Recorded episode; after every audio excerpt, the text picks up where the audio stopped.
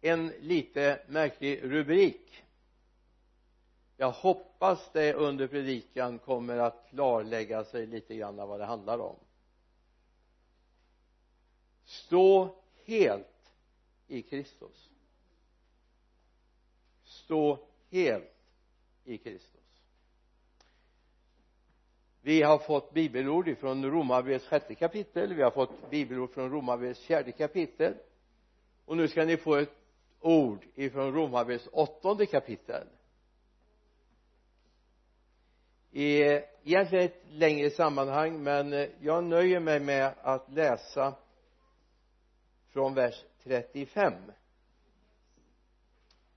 jag ska säga så här att det jag kommer ha idag är inte en bibelförklaring på den här bibeltexten. Det är inte en nytestamentlig exeges över det här utan det här får ligga som en grund för det jag vill säga idag. Så du inte sitter och väntar på att du ska få en djuplodande utläggning över det här bibelordet. Det finns enormt mycket att hämta här. Men det ligger som en grund som en bottenplatta till det jag vill säga idag. Vers 35 vem kan skilja oss från Kristi kärlek? Nöd eller ångest, förföljelse eller svält, nakenhet, fara eller svärd? Det står ju skrivet.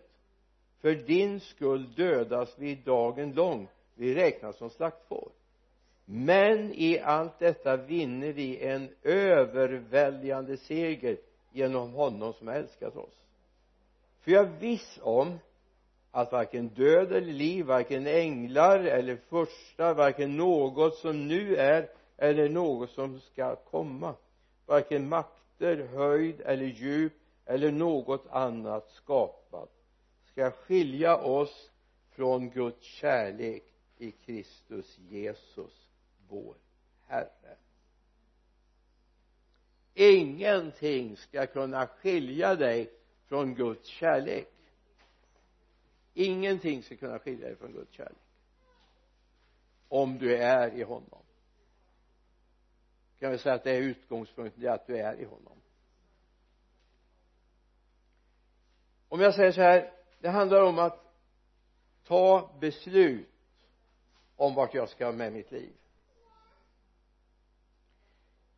Faktum är att många, många, många gånger varje dygn tar du beslut. Du står inför val. Och jag menar framförallt yngre människor möter man ibland då upptäcker de någon gång mitt på eftermiddagen att oj jag tog ett felval igår. Jag gick och la mig för sent.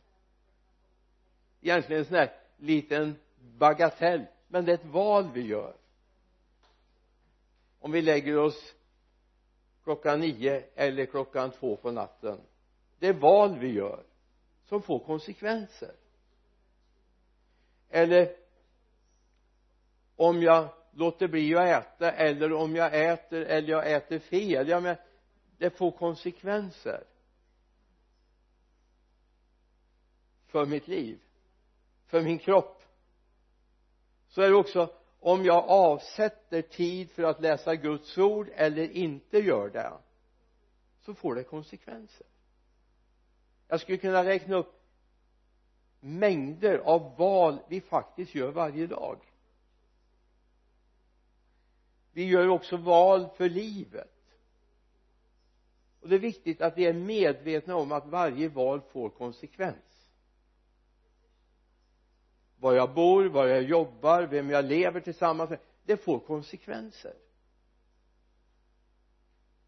Och det är viktigt vilken utbildning jag går och så vidare. Jag har valmöjligheter och det är väl underbart att vi inte är programmerade som robotar va? Tänk om vi hade en datachip i ryggen och någon har programmerat oss att det här ska jag tycka om, det här ska jag göra. Och så vi får välja. Och då är frågan vem har du som rådgivare för dina val? Bland de bäst, sämsta rådgivarna du kan ha det är dina känslor. Känslor är inga bra rådgivare för de är oftast väldigt temporära.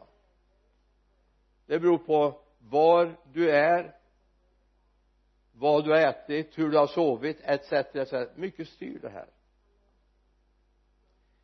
Så kom ihåg du har hundratals val att göra varje vecka som du får ta ansvar för. Det är klart det är enklare att säga men det var någon annan som tyckte. Det var någon annan som hävdade. Det var någon annan som valde. Okej okay? men du får ta konsekvensen. Det är viktigt att vi ser det. Plus att det är många gånger vi på dagen gör småval som vi kanske inte reflekterar över utan vi måste välja. Och då tänker jag så här. Du som har körkort. Du som kör bil.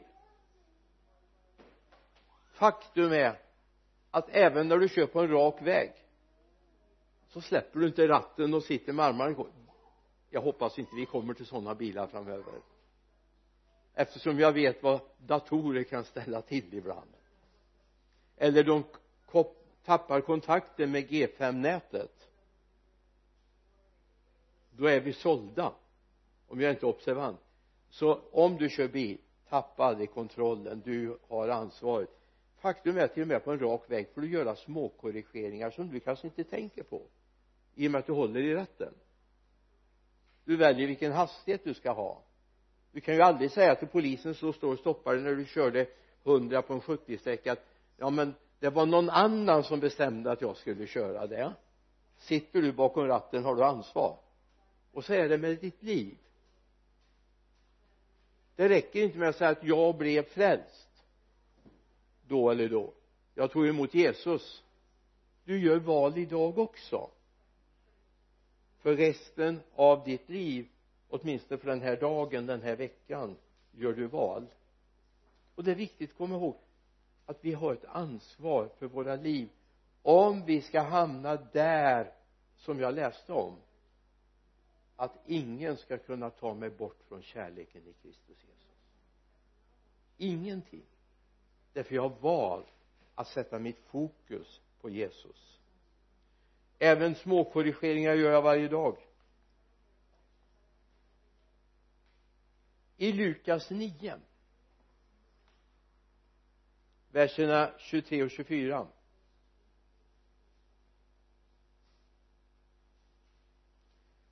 sedan sa han till alla om någon vill följa mig ska han förneka sig själv och varje dag ta sitt kors och följa mig. Den som vill rädda sitt liv ska mista det men den som mister sitt liv för min skull ska rädda det. Den som vill bevara sitt eget liv kommer mista det eviga livet. Men den som vill mista sitt eget liv kommer få det eviga livet. Men kom ihåg det står varje dag får jag ta korset över mitt liv. Ett beslut som jag har att göra. Varje dag. Att överlåta mig till Gud och hans vilja och plan. Att faktiskt göra Jesus till kung över mitt liv. Det finns två krafter som sliter och drar om vårt liv. Det ena det heter diabolos djävulen. Den andra är Gud Irene Gud fridens Gud. Diabolos är ut, eller det grekiska ordet för djävulen. Det är han som förtalar det är han som splittrar det är han som förleder. Ordet diabolos betyder att han kastar omkring. Någonting som är ordnat staplat i fina staplar han kastar isär det. Det är diabolos. Och det här valet har vi att göra. Ska vi följa honom som herre över vårt liv? Eller ska vi följa han som är Airene fridens Gud, ordningens Gud. Det är inte så underligt att människor konstaterar att när de har tagit emot Jesus till frälsning och nytt liv du har hört det, jag har hört det, vi har upplevt det. Jag fick sån frid. Faktum är om Jesus riktigt har fått landat i hjärtat så märks det både i klädedräkt i min tidsrytm och hur jag har det hemma med bibelläsning och allt det har med det att göra.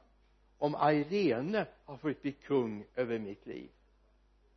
Om Irene har platsen som herre och mästare i mitt liv. Så idag kommer vi att prata om en del om val vi har att göra. Och det här kan vara lite tufft så spänn fast säkerhetsbältet. Förbered airbagen.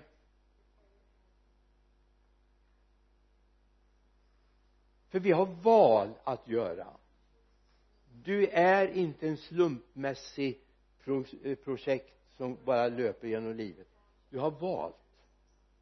Du har valt att komma hit idag. Amen. Du har valt att ha Jesus som herre i ditt liv, eller hur? Det är ingen som har tvingat dig till det. Jag hoppas du har valt det själv.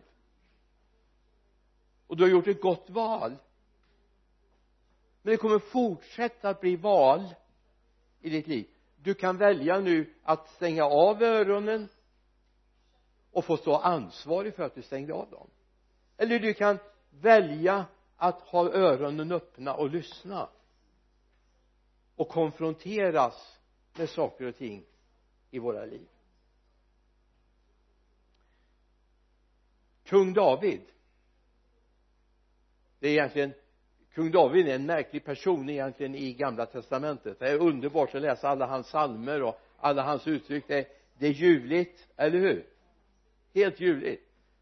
Och jag menar hela hans resa jag menar det är gott att läsa hans glädjesalmer men det finns en botten i hans glädjesalmer det är psalm 32 och psalm 51 botfärdighetens psalmer och de är också sanna för att det andra ska komma. Och då ska vi ta en ett ord ifrån en av hans psalmer. Psalm 40 det står han drog mig upp ur fördärvets jord. Vers 3 ur den djupa dyn.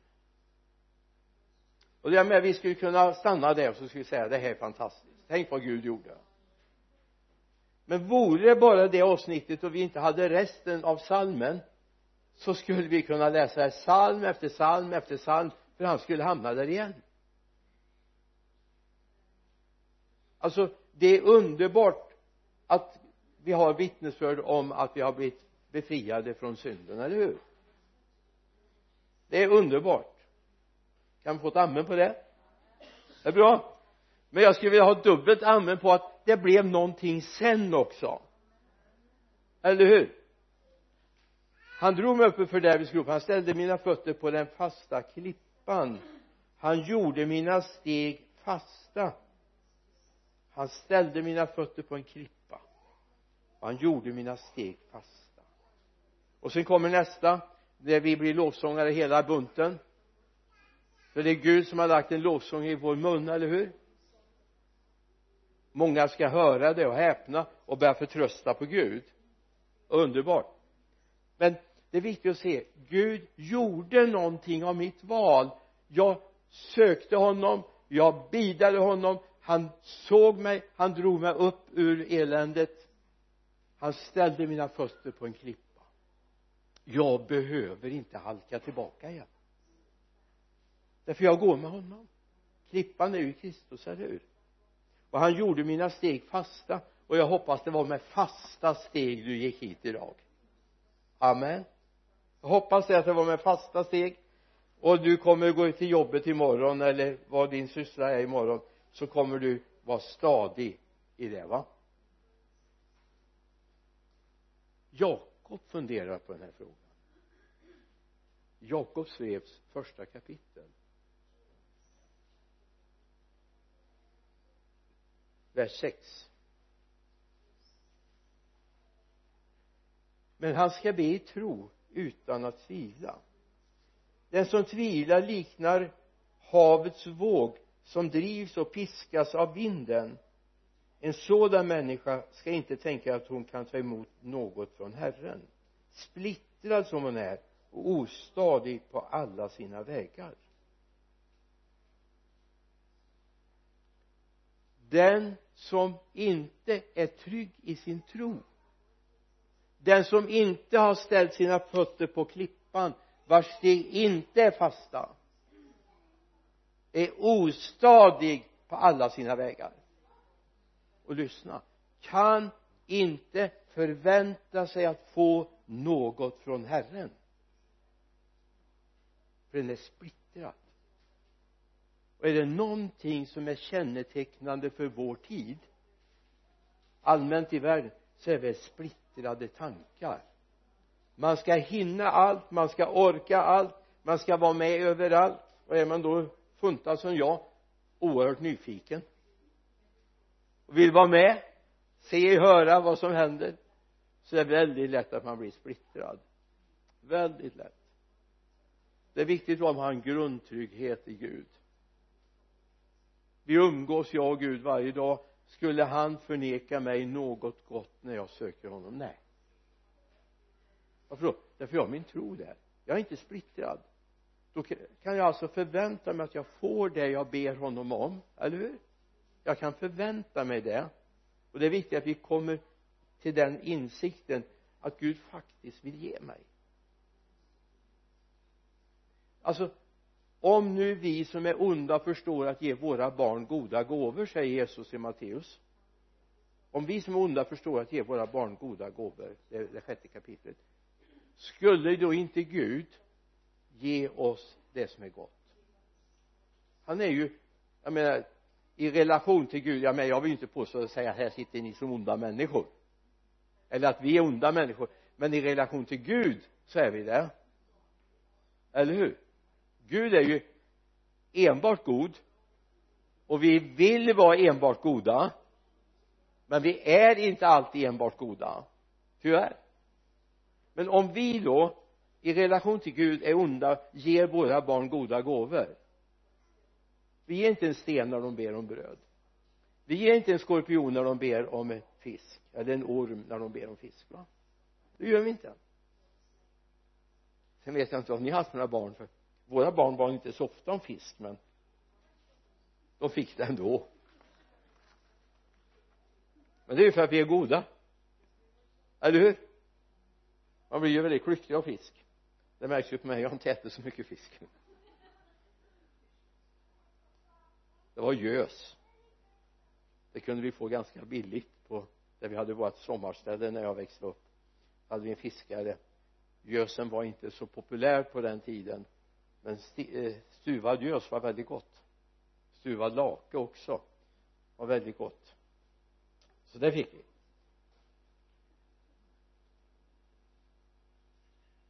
Om vi då som i bibelns bemärkelse är onda ger våra barn det som är gott. Skulle inte Gud ge dig då?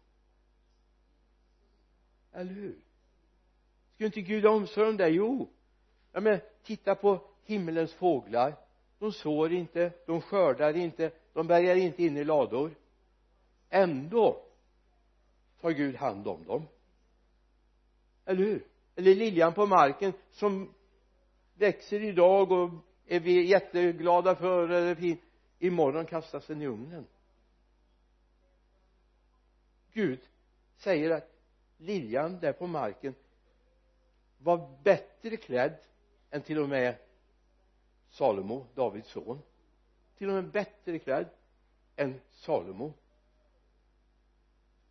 Alltså det betyder att Gud älskar blommorna. Eller hur? Men han har omsorg om dem. Tänk om vi skulle kunna tagga ner lite grann och säga Gud du har tid med mig. Du har tid med mig. Du har tid med mig. Du har tid med mig du tar hand om mig. Så en splittrad människa kan inte ta emot något från Herren. Vad viktigt att se det. En splittrad människa kan inte ta emot någonting. Paulus säger när han skriver till församlingen i Korint det tredje kapitlet vers 11 när han säger vilken livsgrund ska vi ha? Vad ska vi ställa vårt liv på?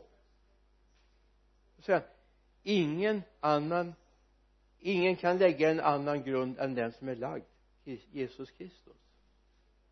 Detta innebär naturligtvis inte att alla bygger sina liv på Jesus Kristus.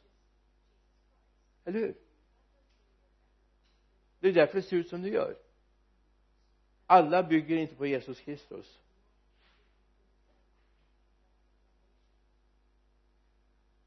Och det är viktigt att vi inser att om vi ställer vårt liv på honom om vi litar på honom så får vi del av allt det han vill ge oss.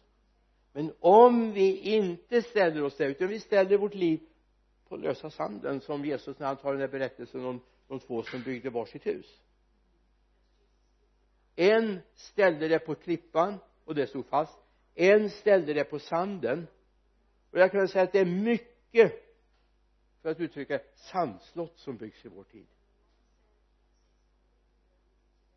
Det är inte mycket av det vi yvas för och som vi kämpar för som vi kommer ta med oss i evigheten. Det är inte mycket av det. Du vet bankkontot har du inte med dig. Det finns inte swish i himlen. Säkert. Det finns inte ens mobiltelefoner. Hur ska en del överleva? Mm ingen tidsfördriv med spel. Det finns mycket annat att umgås med Gud där va? Lyssna. Paulus påminner om en församling. Han skriver till den. Galaterbrevets tredje kapitel. Som är väckte sån här väckande väckelserop kan man säga. I eh, första verserna, första fyra verserna i Galaterbrevet 3 alltså han skriver så här skulle jag aldrig våga uttrycka mig. Aldrig. Skulle jag aldrig tänka det en gång. Dåraktiga galater. Vem har förhäxat er? Ni fick ju Jesus Kristus målad för era ögon som korsfäst. En enda sak vill jag veta från er fick ni anden genom laggärningar eller genom att lyssna i tro? Är ni då dåraktiga? Ni som började i anden ska ni nu sluta i köttet? Har ni lidit så mycket förgäves om det nu var förgäves? Vilket resonemang! Ni som började i anden slutade i köttet. Allt det ni har stått för har ni gjort det förgäves? Alltså han erkänner, bekänner vi ska gå tillbaka till Galaterbrevet snart igen. Han erkänner ändå ja men det börjar ju anden. Det börjar rätt. Hur kunde ni halka så snett? Det här handlar om en församling. Men det handlar också om en församling som består av enskilda människor. Tyvärr finns det många galaterförsamlingar i vår tid. Om vi går tillbaka till första kapitlet Galaterbrevet vers 6 jag är förvånad över att ni så fort överger honom som har kallat er genom Kristi nåd och vände er till en annat, e- ett annat evangelium fast det inte finns något annat. Det är bara några som skapar förvirring bland er och vill förvrida, förvränga Kristi evangelium.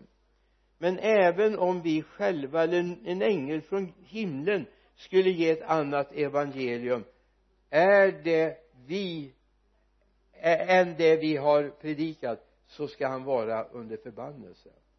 Det vi redan sagt säger jag nu igen. Om någon ger ett annat evangelium än det ni har tagit emot så ska han vara under förbannelse. Jag vet inte, ni kanske inte rör så mycket i den teologiska debatten i vår tid. Men jag finns där en del inte att jag är med i debatten, jag lyssnar, jag läser, jag kollar. Och ibland blir man förvånad för det evangelium som jag en gång tog emot när jag tog emot Jesus till frälsning håller på att tunnas ut. Jag hör liksom en viskning ifrån Edens lustgård. Skulle då Gud ha sagt? Skulle Gud tycka? Skulle Gud tänkt jag vill inte ta upp exempel. Jag vill bara säga att det finns en viskning som går in i vår tid från Edens lustgård. Ormens röst hörs på nytt igen.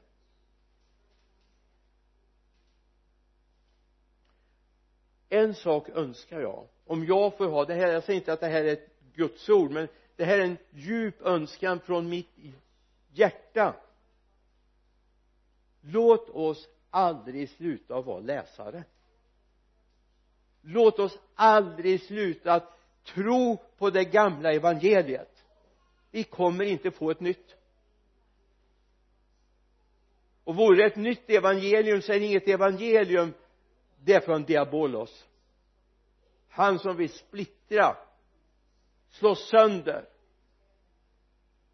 och göra att vi tappar fotfästet det var det som har drabbat galaterna. Vad var det som har hänt med galaterna? Jo galaterna var en församling som bestod av både judakristna och hednakristna. Nu hade helt plötsligt några lärare kommit till församlingen i Galatien. Och så började säga för att ni som är hedningar ska bli sunda, riktiga kristna så måste ni bli judar först. Judaism ni måste omskära er om ni ska bli äkta frälsta. Hör ni viskningen från vår tid också? Det är precis det som drabbar Galaterförsamlingen. Och så tappar man fotfästet i nåden evangeliet och att Gud inte först och främst ser till eh, omskärelsen på köttet utan på anden. Det finns andra saker jag skulle ta upp också. Men det är viktigt. Sluta aldrig bli läsare. Då håller vi oss rätt. Eller ska jag säga sluta inte att läsa kartboken. Så vi vet vart vi ska ta vägen. Sluta med att försöka tolka så mycket. Läs där det står. Vi hade en period på eh, början av 70-talet då fanns det vissa lärare som gav ut mängder av kassetter med undervisning. Jag fick del av en del sån undervisning här på 80-talet och jag bara funderade har de läst bibeln? Det fanns det som var bra men det fanns allt för många som hade känt sig kallade men nog inte var utvalda. Om jag får uttrycka det lite milt sluta aldrig att umgås med Guds ord. Som kristen återvänder jag till bibeln varje dag. Och jag är väldigt lycklig. Jag har ett väldigt bra jobb. Det är inte så många som får betalt för att läsa bibeln. Det är väl väldigt bra. Paulus säger så här när han skriver till det som är hans andliga son Timoteus andra Timoteus andra brev tredje kapitlet vers 14 och några verser framöver. Du däremot håll fast vid det du har lärt dig och blivit övertygad om. Du vet av vilka du har lärt dig. Och du känner från barndomen de heliga skrifterna som har som kan göra dig vis så att du blir frälst genom tron på Kristus Jesus. Hela skriften är utan av Gud och nyttig till undervisning tillrättavisning, upprättelse och fostran i rättfärdighet så att gudsmänniskan blir fullt färdig, väl rustad för varje god gärning.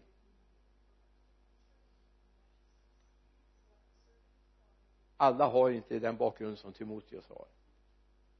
Men du har börjat ta emot det lita på ordet. Lita på det Gud har sagt. Och Guds ande kommer att vägleda dig så du får grepp över Guds ord. Får tag i det, verkligen. Stå stadigt i Kristus. Ha inte ett kluvet hjärta. När jag förberedde den här predikan så gjorde jag utifrån en syn. Nu läste ju någon här att eh, var det Maria ja? Att eh, unga män ska ha syner och gamla män ha drömmar. Vet inte hur jag ska tolka det. Jag hade en syn. Kanske var en dröm. Dagdröm. För jag hör väl till de gamla männen. Men jag såg en bild framför mig. Och därför och det hade jag sett redan i onsdags eller i fredags när vi möttes här till eh, bibelskolan. Jag såg en bild. Jag såg en man. Det kunde varit en kvinna också men i min bild var det en man som gick med en fot på klippan som gick ner mot vattnet. Den andra foten var på isen. Den där isen som håller på att släppa ifrån kanten när våren kommer. Men fortfarande var det is en fot på klippan en fot på isen. Isen blir tunnare och tunnare. Jag såg det inte men jag tänkte så här. Tre meter till och du är i plurret. Tänk dig själv att du har en bergskant foten lite högre längre ner går du på isen. Om isen brister vad händer? Trillar man på klippan eller trillar man i vattnet?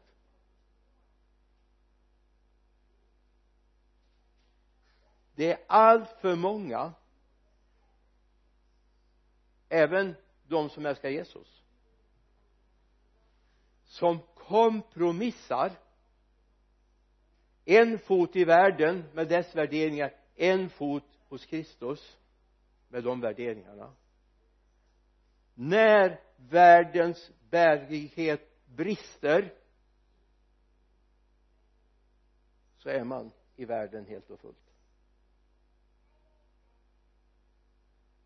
Det finns nåd.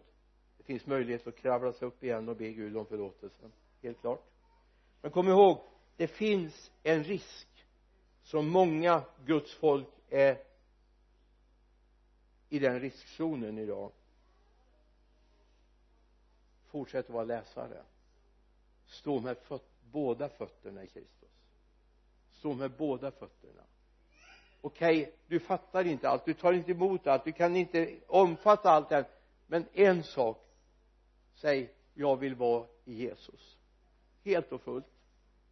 Så långt jag har en möjlighet att förstå, fatta, ta emot så vill jag vara i honom. Kompromissa aldrig med den här världen med de värderingar som finns i den här världen.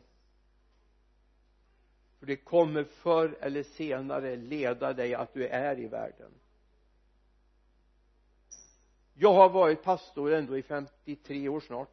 Eller förkunnare i 53 år föreståndare och pastor i 49 jag har sett människor som har börjat den resan. Hittills har jag inte sett någon som har börjat den resan som har landat i Kristus som har landat i världen. När jag gick på bibelskolan 67 så hade vi en tjej som också gick bibelskolan samtidigt. Fantastiskt vi, fick ha provpredikningar. Det var ju bland det värsta som man har varit med om. Hela klassen satt där och en del hade gjort skyltar satt längst bak så inte lärarna såg det då stod det heja Bengan. Det stod och andra och där skulle man försöka vara seriös. Och så skulle det bedömas då både innehållsmässigt hur man framförde det och hur det var relaterat till Guds ord. Jag har den predikan kvar än som jag höll den var bara i stort sett ett papper. E- ett litet litet A5 papper men det var en tjej där som samtidigt. Hon kom någonstans från Östergötland. Eh, hon kom ut på fältet sedan. Hon var fantastisk. Alltså hon hade en förmåga att berätta och, presentera evangeliet så jag, jag riktigt häpnade. Wow! Vilken förmåga! Säkert sån där som faktiskt eh, ja på den tiden pratade man ju inte A till F men stora A, lilla A AB, BA, B, BC fanns i skalan. Där BC, C var underkänt och nog på gränsen BC också. Jag hade en del sådana och det var väl inte så lyckat då men ja. Eh, i alla fall jag kände hon borde haft stora A bra behandling av bibelordet. Tydligt. Hon kom ut på fältet sen tappade jag helt kontakten. Jag har ingen aning var hon försvann i landet. En dag när jag är ute som kolportör och ska sälja böcker på då den för mig nya platsen knackar på en gata där jag vet det bodde väldigt många som tillhörde Jehovas vittne på den gatan. Av någon märklig anledning bodde väldigt många där på den gatan. Det var många släktingar också som bodde så kommer hon och öppnar dörren. Och jag möter en iskyla. Helt. Hon som var så viktig att, eller så bra på att dela evangeliet på bibelskolan och säkert sen också hade helt ändrat. Och bara sagt det här är jag inte intresserad av. Hon kände igen mig. Jag kommer aldrig komma till din kyrka sa det gjorde hon inte heller. Hon höll ord i alla fall kan man ju liksom ändå vara något positivt va? I allt elände. Alltså hon hade börjat kompromissa. Jag fick reda på lite grann de som kände henne. Hon började umgås med en som var Jehovas vittne. Hon eh, fick sällskap med honom. De gifte sig. Och så helt plötsligt så var allt omvänt i hennes tankevärld. Vi hade inga möten och hon kom aldrig knacka på våran dörr heller utan eh, det avstod hon. Jag såg henne ute ibland. Vi hade en granne som var jag sittande där såg jag den bilen ibland. Men för övrigt hade vi ingen kontakt. Det är så lätt. Om vi inte håller oss vid ordet hela tiden. Det är så lätt att trampa vid sidan om. När vi tror att vi är duktigare än han som har frälst oss. När vi tror att vi förstår. Ja men det är bättre att erkänna jag förstår inte allt jag får kämpa med det. Men jag älskar Jesus och det är ju det viktiga, eller hur va? Jag vill hålla mig till honom. Jag bara tänker gång på gång. Hinner inte läsa hela samman Matteus 25 de första 13 verserna. Talar om tio jungfrur. Lägg märke till någonting. Alla tio har samma budskap. De har samma längtan. De ska möta brudgummen var helt övertygade de ska möta brudgummen. Ändå säger Jesus att fem var förståndiga fem var oförståndiga. Det dröjde det blev natt de somnade och så vid midnatt så ljuder ropet vakna upp brudgummen kommer. Vi ska gå in och möta honom och så visar det att fems lampor hade på väg att slockna. De hade ingen extra olja.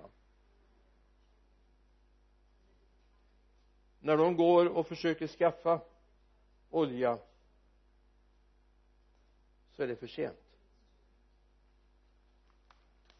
Det är viktigt i alla längtar vi efter Jesus, eller hur? Alla längtar vi efter att en dag ska vi få möta honom. Amen. Men hur är det när den dagen kommer? Han dröjer. Är det lika levande då? Ja det är frågan som vi måste ha med oss. I Matteus 6 vers 19-21 alltså Matteus 6 är fantastiskt. Det finns enormt mycket undervisning där.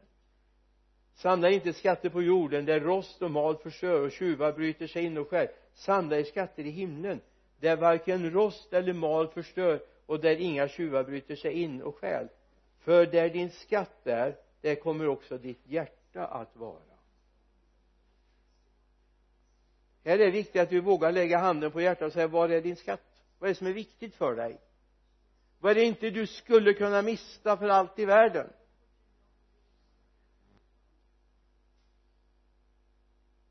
Vad är det du inte skulle kunna mista?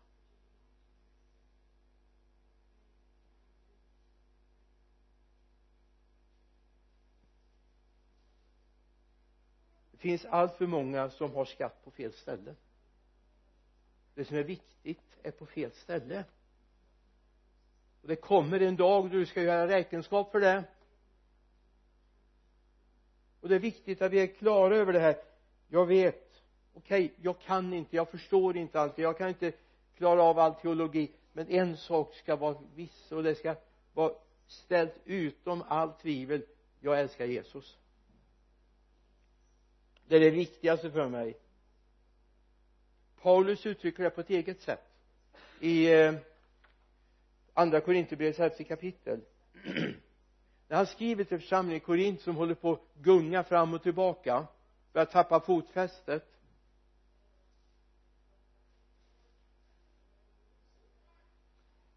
Då säger han någonting, vers 1 hoppas ni kan stå ut med lite dårskap från min sida.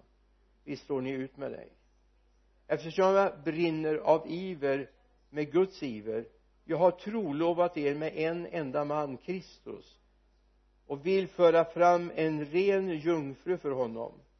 Men jag är rädd att liksom ormen med sin list förledde Eva så kan också era sinnen förföras och vändas bort från den uppriktiga och rena troheten mot Kristus. Paulus tar en bild. När ni kom till tro när ni blev frälsta så var det en trolovningsakt jag vet inte i den svenska kulturen och traditionen finns ju inte trolovningen kvar. Vi får gå tillbaka till före 50-talet då fanns trolovning också i Sverige. Det var inte förlovningen utan det var när man nu sätter vi oss ner nu bestämmer vi att vi ska gifta oss. Nu är det ingen återvändo längre. Nu har vi bestämt oss. Nu vi ska gifta oss. Nu ska vi planera för, för, för bröllopet. Då är det lika heligt som om vigseln har varit. Bibeln säger att om en som var trolovad levde i brott mot äktenskapet så skulle den stenas. Så allvarligt såg det på den tiden men det är inte att förväxla med förlovning. Men trolovning det är när vi sätter oss ner och säger det är vi som ska ha varandra. Och inför Gud lovar vi att det är vi som ska ha varandra. Men nu ska vi leva i renhet fram till det vi gifter oss. Det här är den bilden som Paulus plockar när du tar emot Jesus till frälsning så är det en trolovningsakt med honom som du ska gifta dig med.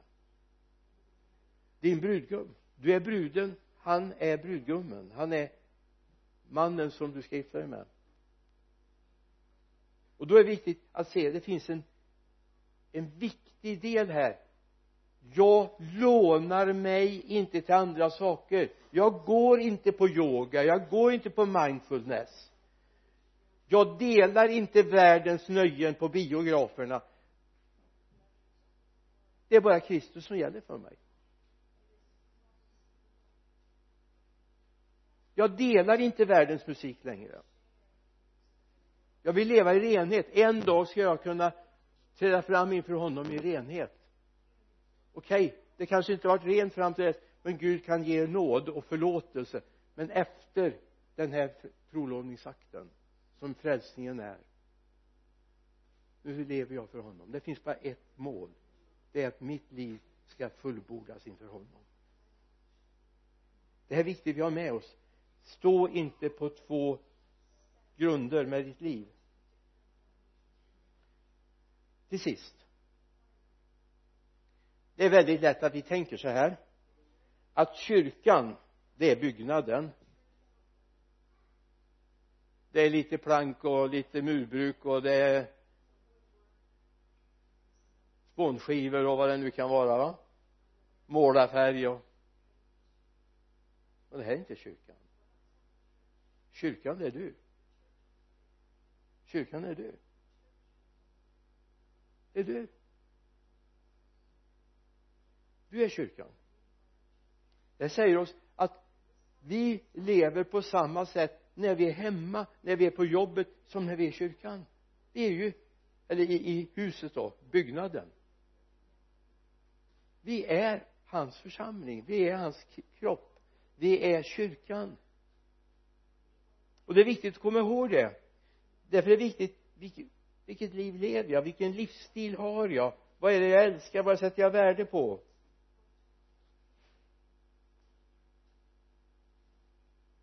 Då är det viktigt att jag lever äkta och trovärdigt även på jobbet. Bland grannar, bland vänner. Jag är samma kropp. Även då och han är med mig där med. Det är inte bara när jag möts, vi möts i den här lokalen som Gud är med oss. Gud är med oss på vardagen. Det är väl fantastiskt underbart va? Och jag menar vi har kommit väldigt långt in i det här så helt plötsligt kan du börja känna en nöd för en bror eller syster i församlingen. Du vet ingenting vad det handlar om. Men Gud bara väcker dig på natten och säger du ska be för honom, du ska be för henne. Har du varit med om det? Det är spännande och så kan man då mötas sen då får du reda på att det var jobbigt den där kvällen det var jobbigt den där natten det var jobbigt den där dagen. Gud har väckt dig. Därför vi hör ihop i kroppen. Om en lem lider lider alla de andra lemmarna står det. Har du upplevt det? Alltså det, det är ett steg till vi behöver komma in i. Om det är så att vi är det här så är det viktigt också att vi börjar inse vilka val jag gör. Vad använder du dina pengar till? Vem styr din tid? Vem styr dina intressen?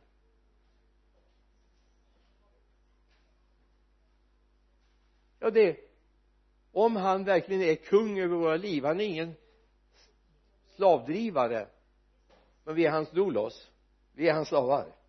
Men han är ingen slavdrivare så som orättfärdiga herrar är. Absolut inte. Han är oerhört kärleksfull. Men någonting han vill föra oss in i det är också Matteus 6 vers 31 till 33 bekymra er därför inte och fråga inte vad ska vi äta? Eller vad ska vi dricka? Eller vad ska vi klä oss med? Allt detta söker hedningarna efter men er himmelske fader vet att ni behöver allt detta nej sök först Guds rike och hans rättfärdighet så ska ni få allt det andra också en några versar innan vers 27 står det vem av er kan med allt med sitt bekymmer lägga en enda an till sin livslängd eftersom med våra bekymmer så gör vi oftast vår livslängd kortare istället vi kan inte lägga till men ni kommer ihåg det är inte så att Gud säger nej men du behöver inte äta. Du behöver inte sova. Du behöver inte ha några kläder. Men Gud vet ju att vi behöver. Han har ju skapat oss. Han har skapat oss med hungerkänslor. Med en mage som behöver mättas. Visst, visst Gud har skapat oss. Skulle inte Gud veta det då? Hedningarna söker efter. Men er himmelske fader vet att ni behöver det. Jag menar det är inte så att han bara vet det och så bryr han sig inte om det eller hur? Jag vet inte vad du har för en gud. Din gud bryr sig om det att du behöver det. Så vila i det. Gud har koll. Därför att du har gett ditt liv till honom. Du har gett ditt liv. Du har överlåtit ditt liv åt honom. Andra i det. Det har att göra med tiondegivandet Malaki säger att vi ska inte stjäla från Gud. 3.8 och då säger någon ja men det är gamla testamentet säger jag yes säger jag det är gamla testamentet. Ska vi läsa vad nya testamentet säger? Men står det någonting där då? Det står att allt är Guds. Allt är Guds. Där är du bara förvaltare av Guds mångfaldiga nåd. Yes. Men Gud missunnar ju inte dig att äta dig mätt. Nej Gud missunnar dig inte att klä dig varmt. Gud missunnar dig inte att få ha trevligt? Absolut inte. Men vi är förvaltare. Och det är väl underbart. Tänk att Gud vill ha oss som förvaltare. Det är ju mer än vad man skulle kunna tro egentligen. Det finns ett bibelord som vi läser ibland. I all synnerhet när vi börjar kämpa att ja nu behöver vi få in mer pengar i församlingen. Då läser vi Haggai 2.9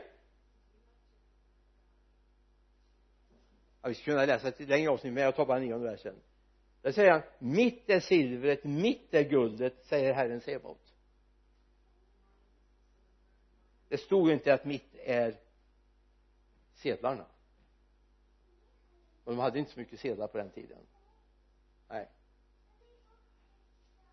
Nu vet jag nu förr kunde man säga att det fanns en guldfot som motsvarade värdet på pengarna vi hade. Det är väl länge sedan nu.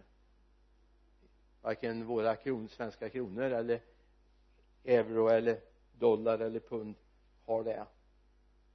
Men eh, det handlar om det som är värdefullt är Guds. Det som är värdefullt är Guds. Och du är förvaltare bara. Och så får säga tack Jesus för att jag får vara med och tjäna. Ska vi be tillsammans?